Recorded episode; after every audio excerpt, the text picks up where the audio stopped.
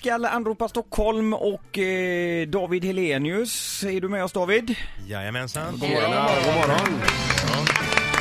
Och då faller vi osökt in på eh, och frågar dig också. Har Mm. du någon hobby eh, David? Ja, men jag lyssnar lite på er om hobby här.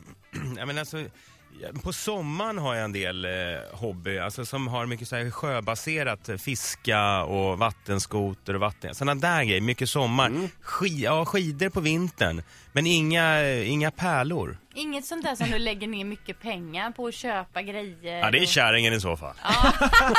eh, nej, men eh, ja, jag vet vad du menar. Nej, inget sånt där faktiskt. Nej, jag tycker, jag, det är som jag, jag förstår varför ni har ämnet. Man vill ju ha en hobby. Det sägs ju att man lever längre om man, Jo, men man blir har en hobby. man blir så avundsjuk på folk som har, är dedikerade och eh, har det, Det blir man verkligen som går upp på en lördag och verkligen åker. Jag åker också långfärdsskridskor men jag håller inte på och så här går upp klockan sex och skalar apelsiner och laddar utan Nej. man tar en tur på ett så här så enkelt sätt. Ja, men tycker du att shopping kan vara en hobby? Eh, ja men då har jag också det i så fall. Alltså, men, ja, du menar om man shoppar väldigt mycket? Nej, ja, jag, att man tänker mycket på det. Ja, nu tänker jag så här och så börjar man leta upp sådana grejer. ja, men hobby tycker jag är någonting man ska utöva nästan. Jag, jag, jag har all respekt för, för pärlplattorna där men men jag tycker nog att man ska utöva, förstår ni? Men man ser det framför sig, det ska innehålla något slags Gore-Tex-aktigt material. eller Ja, något. det- men det- det är utom-. Ja, utomhusaktivitet alltså. Ja men lite. Jag menar hobby, jag vet inte, är tennis en hobby? Alltså, alltså jag tränar ju och håller på och spelar squash och Nej men där. när man samlar på saker och Ja, så, då behöver man ju inte med. ha Gore-Tex-kläder på sig för man samlar på... Ja, det beror på hur fuktigt det är där du liksom. Sitta i Gore-Tex-stället med sin frimärksamhet. Ja, men, exakt. men, men hobby är väl till exempel om man är, inte- så, som, är- om man är intresserad av modelljärnvägar och Märklin och nördar ner sig i olika modeller. Ja. Och så är det någon man inte får tag på. Det är så svårt sen, för när du säger sådär, då vill man ju plötsligt inte ha en hobby. Nej. Det är för man vet inte, men järn, just järnväg, då blir det alltid sådär, då känns det mer som att Ja, då, då, då är man nära att skiljas. Och vi kommer in på det här också, när det, när det går överstyr då är det ju maniskt och då är man ju sjuk. Och då är det ju jättebra att vi kommer in på ditt program här nu. precis. Snyggt, Det snyggt. är en riktig P3-övergång. Ja, Ja. ja jobba mycket med det. Ja, Ja. helt sjukt heter ditt program. Berätta upplägget.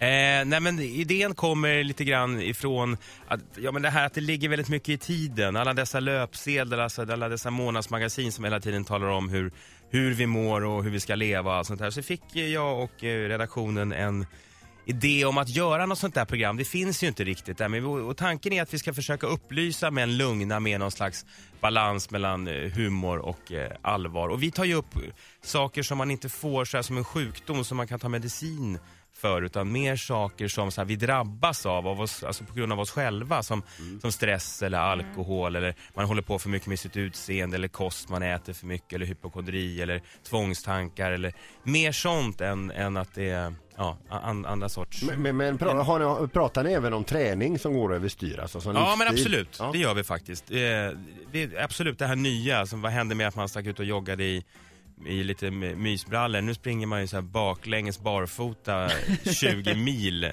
Ja, eh, i sådana dag. kompressionskläder. Ja, man så det har ju stuckit. Ja. Ja. Och det kan man, det är en bra, det är en bra fråga. Det här programmet är någon liksom slags produkt av att det har stuckit lite grann. Att den här balansen har försvunnit när det gäller det mesta. Hur mycket vi jobbar och äter och eh, Alltså vi har blivit så extrema och det är kanske därför vi mår dåligt. Ja, för det kan jag upp- uppleva liksom att det har blivit någon slags, eh, istället för att träning ska vara någonting skönt och hälsosamt, att det har blivit som en besatthet hos många. Exakt, exakt. Ja men vet du hur man tränade bara liksom för 10-15 år sedan? Då såg det helt annorlunda ut. Men nu är det mer så här, det är ungefär som man brukar säga, nu kommer en, en jäm- jämförelse från Göteborg. Om man är i Göteborg så säger man så har du ätit räkor någon gång?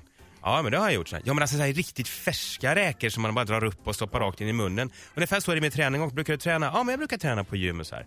Ja, ja, men alltså har du sprungit barfota 10 mil baklänges? Ja, på glödande Ja men typ, är du på riktigt eller är du fake? Ja, exakt. Ja. Och så, så, så tycker jag det har gjort. Så att man vågar knappt säga att man tränar lite grann. För man vet Nej. inte om de ska säga det gör du inte alls det. Ett poddtips från Podplay. I podden Något Kaiko garanterar östgötarna Brutti och jag, Davva, dig en stor dos skratt. Där följer jag pladask för köttätandet igen. Man är lite som en jävla vampyr. Man har fått lite blodsmak och då måste man ha mer. Udda spaningar, fängslande anekdoter och en och annan arg rant. Jag måste ha mitt kaffe på morgonen för annars är jag ingen trevlig människa. Då är du ingen trevlig människa, punkt. Något Kaiko, hör du på Podplay. Därför arkadeinerna.